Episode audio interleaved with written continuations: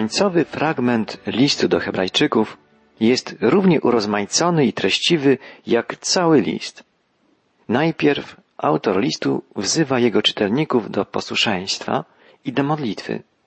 Potem przekazuje wspaniałe błogosławieństwo, jedno z najpiękniejszych w całym Piśmie Świętym. Na koniec natomiast zamieszcza osobiste uwagi i pozdrowienia. Przeczytajmy najpierw siedemnasty wiersz ostatniego rozdziału. Zawiera on apel o posłuszeństwo. Bądźcie posłuszni swoim przewodnikom i stosujcie się do ich poleceń. Oni czuwają nad wami i będą musieli zdać z tego sprawę. Niechże to robią z radością i bez skargi, bo to nie wyszłoby wam na dobre. Autor listu przypomina o potrzebie okazywania posłuszeństwa przewodnikom, przełożonym i ma na myśli tych, którzy opiekują się wspólnotą wierzących. We wspólnocie chrześcijańskiej panować ma demokracja. Wszyscy jesteśmy sobie przecież równi, jako bracia i siostry, złączeni w jedno w Chrystusie. Ale z drugiej strony wspólnota ma prowadzić życie uporządkowane, bo Bóg jest Bogiem porządku i wspólnota ma okazywać posłuszeństwo względem przewodników, których sama sobie wybiera. Nie chodzi tu o jakąkolwiek dyktaturę, raczej o służbę, bo przecież przewodzenie w zrozumieniu chrześcijańskim jest zupełnie inne niż w świecie świeckim. Przewodzenie wspólnocie wierzących to opieka nad nimi, służenie im przykładem, troska o ich potrzeby. Autor apeluje, bądźcie posłuszni względem swoich przewodników, bo oni czuwają nad wami i będą musieli zdać z tego sprawę. Przewodnicy chrześcijańskiej wspólnoty będą musieli zdać sprawę samemu Chrystusowi. Opiekowanie się innymi to bardzo odpowiedzialne zadanie. Powinni się go podejmować chrześcijanie dojrzali, mądrzy, o wielkim duchowym autorytecie, a jednocześnie pokorni, pracowici, łagodni, cierpliwi. Jest to bardzo trudne zadanie. Dlatego ze strony tych, którymi się opiekują, przełożeni powinni spotykać się z pomocą, z życzliwością, współpracą, dobrą wolą i z wdzięcznością. Wtedy, zgodnie ze słowami autora listu, przełożeni będą mogli wykonywać swoją pracę, raczej służbę z radością. Zadaniem przewodników wiary jest przede wszystkim to, by nikt z ich podopiecznych nie oddalił się od Boga. Przeciwnie, by każdy członek wspólnoty mógł wzrastać w wierze i stawał się coraz dojrzalszy. Z pewnością największą radość przełożony chrześcijańskiej wspólnoty przeżywa wtedy, kiedy widzi, że jego podopieczni idą za Chrystusem i stają się coraz bardziej dojrzałymi, samodzielnymi jego uczniami. Taka radość przebija na przykład ze słów apostoła Jana, który w swym trzecim liście pisze Nie ma dla mnie większej radości, jak słyszeć, że dzieci moje żyją w prawdzie.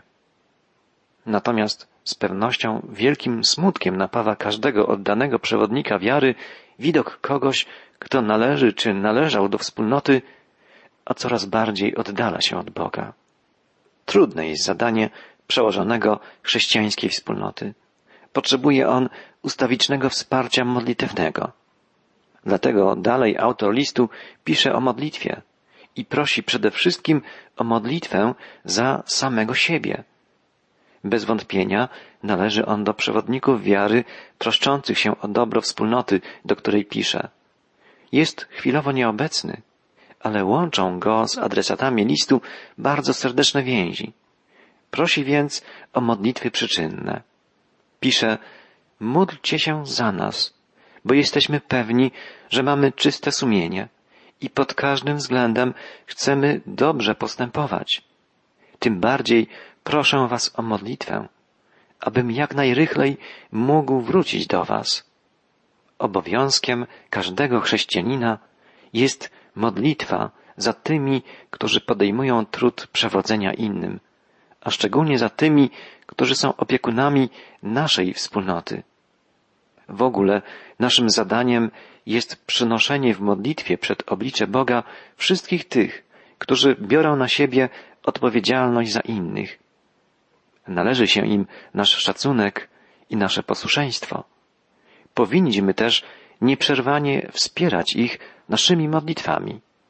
Autor listu otwarcie prosi, módlcie się za mnie, abym jak najrychlej mógł wrócić do Was. Kiedy ktoś nam bliski przebywa w oddaleniu, powinniśmy w sposób szczególny nosić go w modlitwach. Zwróćmy uwagę, że ta serdeczna prośba o modlitwę świadczy o tym, iż autor listu jest dobrze znany jego adresatom. Część biblistów uważa, że autorem tym był apostoł Paweł. Wskazują przy tym na fakt, że dalej autor wspomina o Tymoteuszu jako o bracie, współpracowniku. Autorem listu mógł być jednak także ktoś z bliskiego otoczenia Pawła.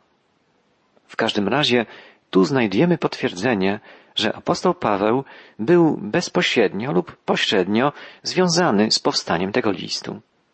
W końcowej jego części, jak wspominaliśmy, zawarte są słowa wspaniałego błogosławieństwa. Czytamy od wiersza dwudziestego. A Bóg pokoju, który przez krew wiecznego przymierza wyprowadził z krainy śmierci wielkiego pasterza owiec, Jezusa, naszego Pana, niech was prowadzi w każdej dobrej sprawie, tak byście mogli spełniać Jego wolę. Niech On sam pobudza nas do tego, co się Jemu podoba, przez Jezusa Chrystusa. Jemu niech będzie chwała na wieki wieków. Amen. Są to słowa pełne cudownych treści. Mówią bardzo wiele o Bogu i o Jezusie Chrystusie. Najpierw autor listu mówi o Bogu jako o Bogu pokoju. Bóg pokoju niech was prowadzi. To życzenie nie jest tak zwanym pobożnym życzeniem. Bóg naprawdę może dać pokój każdemu w każdej chwili życia. Nawet w najtrudniejszych, najbardziej dramatycznych sytuacjach Bóg może obdarzyć nas spokojem, bo On, jako jedyny, może wnieść pokój w nasze serce. Jego obecność może przywrócić nam utracony pokój. Kiedy umysł i serce człowieka poddają się działaniu Bożego Ducha, człowiek uzyskuje prawdziwy pokój. Pokój z Bogiem, pokój z bliźnimi i pokój z samym sobą. Bóg jest Bogiem pokoju, a dalej jest Bóg ukazany jako Pan życia i śmierci. To On wyprowadził z krainy śmierci Jezusa, podkreśla autor listu. Jezus wypełnił doskonale wolę Ojca. Był Ojcu we wszystkim posłuszny. Dzięki temu wypełnił się zbawczy, życiodajny plan Boży. Śmierć została pokonana. Bóg objawił swą moc jako Pan życia i śmierci, jako Pan wieczności. Dla nas ma to ogromne znaczenie, bo potwierdza, że i my, będąc posłuszni woli Boga, będziemy żyć, możemy żyć na wieki. Po trzecie, Bóg ukazany jest tu jako ten, który objawia i realizuje swoją wolę. On prowadzi nas w każdej dobrej sprawie, czytamy, byśmy mogli wypełniać Jego wolę. On może nas pobudzać do tego, co się Jemu podoba. A więc On, Stwórca i Zbawiciel, objawia nam swoją wolę i zachęca, pobudza i uzdalnia nas do jej wykonywania. Bóg nigdy nie stawia nam zadań niewykonalnych. Zawsze, kiedy objawia nam swoją wolę, kiedy stawia nam określone zadanie, daje nam moc do jego wykonania. On wysyła nas i wyposaża we wszystko, czego potrzebujemy. Zauważmy, że w tych wszystkich aspektach Bożego działania ma udział Pan Jezus Chrystus. On jest tym, za pośrednictwem którego Bóg Ojciec wnosi pokój. W niebie i na ziemi pokój ludziom dobrej woli, zapowiedział anioł Gabriel wskazując na narodzonego w Betlejem Jezusa. Pokój ludziom dobrej woli. To On zapowiadany był przez proroków jako książę pokoju. Sam powiedział o sobie swoim uczniom, pokój przynoszę wam. Nie taki, jak świat daje, ale mój, prawdziwy, najgłębszy, wewnętrzny pokój. A u kresu czasów, gdy dopełnią się zbawcze plany Boga, Jezus zaprowadzi pokój na całym świecie. Jego królestwo będzie królestwem pokoju. Musimy tu podkreślić, nikomu nie uda się na ziemi zaprowadzić pokoju. Uczyni to dopiero Jezus Chrystus. Także Bóg jako Pan życia ukazuje nam swoją chwałę zarówno jako Ojciec, jak i jako Syn. Jezus powiedział, ja jestem droga, prawda i życie. To On pokonał śmierć, przeszedł przez grób, powstał z martwych. Mówi, zaprawdę, zaprawdę powiadam wam, kto ufa moim słowom i wierzy temu, który mnie posłał, nie stanie przed sądem, ale już przeszedł ze śmierci do życia. Kto ma syna, ma życie, świadczy umiłowany uczeń Jezusa Jan. Chrystus, jako zmartwychwstały Pan, daje nam życie wieczne, otwiera nam drogę do domu Ojca. W domu Ojca mego wiele jest mieszkań, mówi Jezus. Idę, by przygotować wam miejsce. Bóg jest Bogiem życia, jest Bogiem żywych. Jezus mówi o sobie, ja jestem życie. Bóg jest Bogiem pokoju, przywraca pokój duszy. Jezus jest księciem pokoju.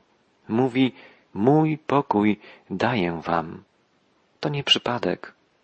Po prostu Ojciec i Syn to ten sam Bóg. Po trzecie, Bóg objawia i realizuje swoją wolę i czyni to poprzez Jezusa. Bóg pokoju, Bóg życia jest Bogiem, który objawia i przeprowadza swoją wolę. Czyni to poprzez Jezusa. O tym mówi całe pismo. Poprzez Niego świat stworzył i poprzez Niego świat zbawił. Uczynił to przez krew wiecznego przymierza, pisze autor listu do Hebrajczyków. Znaczy to, że przymierze przypieczętowane krwią Chrystusa jest dokonane w sposób trwały, pełny, doskonały i zachowuje swoją aktualność, swoją moc na wieki.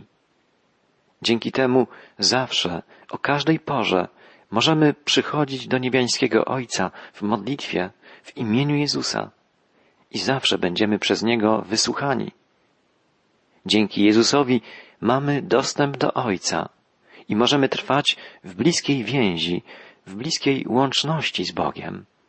Jezus jest też nazwany, zwróćmy uwagę, wielkim pasterzem owiec.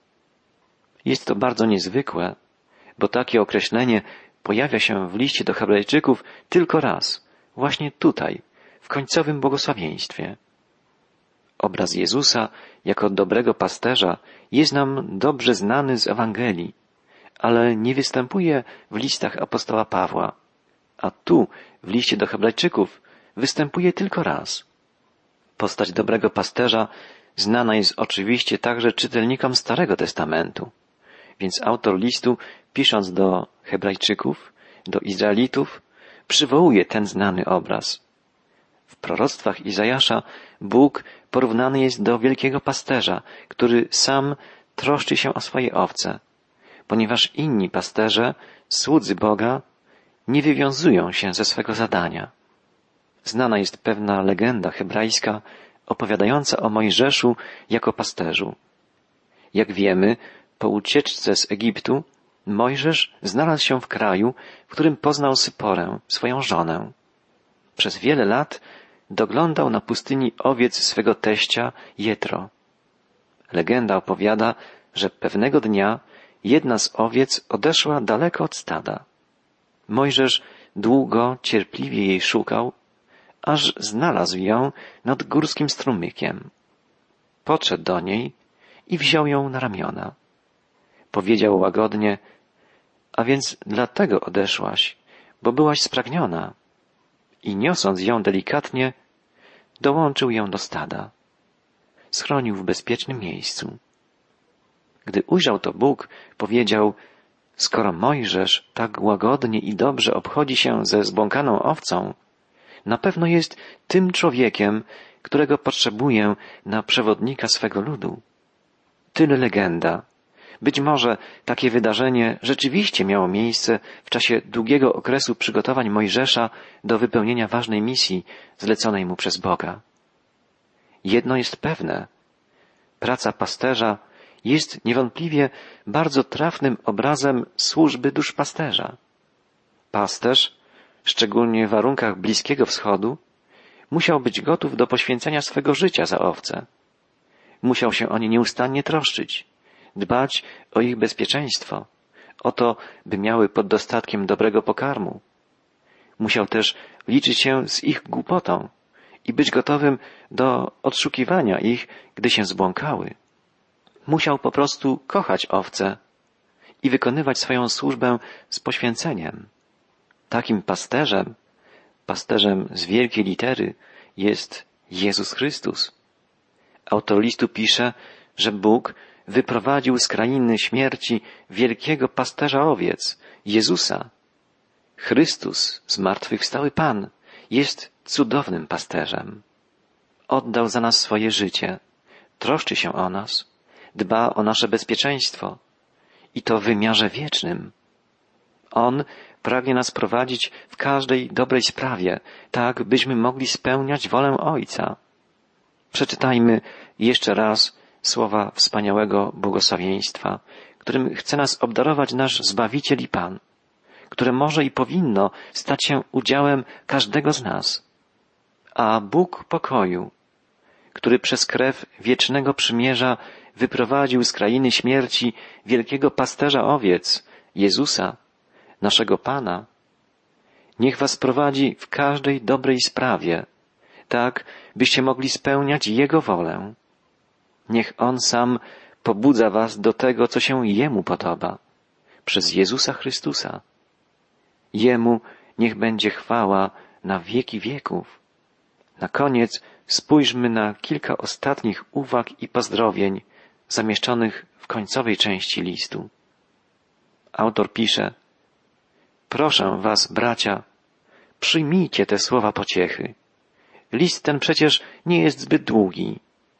Chciałbym was powiadomić, że nasz brat Tymoteusz odzyskał wolność. Jeżeli wkrótce zjawi się u mnie, to wybierzemy się razem do was i wtedy się zobaczymy. Pozdrówcie wszystkich współwyznawców i tych wszystkich, którzy wami kierują. Pozdrawiają was wierzący z Italii. Dowiadujemy się, że list pisany był w Italii, prawdopodobnie w Rzymie. Wydaje się, że wzmianka o Tymoteuszu, który wyszedł na wolność, świadczy o tym, że przebywał on jakiś czas w więzieniu wraz z autorem listu. Był nim, jak już mówiliśmy, ktoś blisko związany z apostołem Pawłem, albo sam apostoł. Pozdrówcie wszystkich współwyznawców i tych wszystkich, którzy wami kierują. Te słowa świadczą o tym, że autor listu zna wspólnotę i jej przywódców, których serdecznie pozdrawia. Wyraża też nadzieję, że wkrótce się z wszystkimi spotka. Pisze, wybierzemy się razem do Was i wtedy się zobaczymy. Z tych słów przebija wielka radość i nadzieja, że spotkanie wkrótce dojdzie do skutku. Wtedy będzie okazja do dłuższej rozmowy. Będzie okazja, by wyjaśnić wiele spraw, zagadnień. Wydaje się mówić autor listu, świadomy faktu, że list, który napisał, nie jest wyczerpujący, nie wyjaśnia wszystkiego. Zawiera tak wiele ważnych tematów, a nie jest przecież długi. Autor prosi, proszę was, bracia, przyjmijcie te słowa pociechy. List ten przecież nie jest zbyt długi. Ktoś obliczył, że list do Hebrajczyków można przeczytać na głos w ciągu jednej godziny. Jego autor wyraża nadzieję, że będzie okazja, żeby porozmawiać osobiście, podyskutować, zastanowić się nad wielu trudniejszymi, głębszymi zagadnieniami. Chociaż, jak mówiliśmy na wstępie, list ten jest wspaniałym pismem i co do formy, i pod względem treści. Zawiera wielkie bogactwo głębokich myśli, a przede wszystkim ukazuje Jezusa jako wspaniałego, doskonałego arcykapłana i jako doskonałą ofiarę. Potrzebujemy doskonałego kapłana i doskonałej ofiary. Potrzebujemy kogoś, kto może złożyć Bogu taką ofiarę, która raz na zawsze umożliwia nam swobodny dostęp do Ojca. Tego właśnie dokonał Chrystus. Jest On doskonałym kapłanem, ponieważ jest doskonałym człowiekiem, a jednocześnie Bogiem. W swoim człowieczeństwie może On przyprowadzić człowieka do Boga, a w swojej boskości może przybliżyć Boga do człowieka. Jest On jedynym bezgrzesznym człowiekiem i Jego doskonałą ofiarą jest ofiarowanie samego siebie za nasze grzechy. Każdemu z nas autor listu powiada, całe swoje życie poszukujesz doskonałego kapłana, który mógłby złożyć doskonałą ofiarę i umożliwić Ci zbliżenie się do Boga. Jezus Chrystus jest takim kapłanem. Rozgląda się za doskonałą ofiarą, która otworzy Ci drogę do Boga, zamkniętą poprzez Twoje grzechy. Taką doskonałą ofiarę znajdziesz w Jezusie Chrystusie. To wspaniała prawda. Już na sam koniec autor listu do Hebrajczyków pisze Łaska niech będzie z wami wszystkimi. Amen. Boża łaska niech będzie z nami wszystkimi, gdziekolwiek jesteśmy, gdziekolwiek nas Pan Bóg postawił. Ufajmy Bogu i żyjmy pod opieką łaskawego Boga.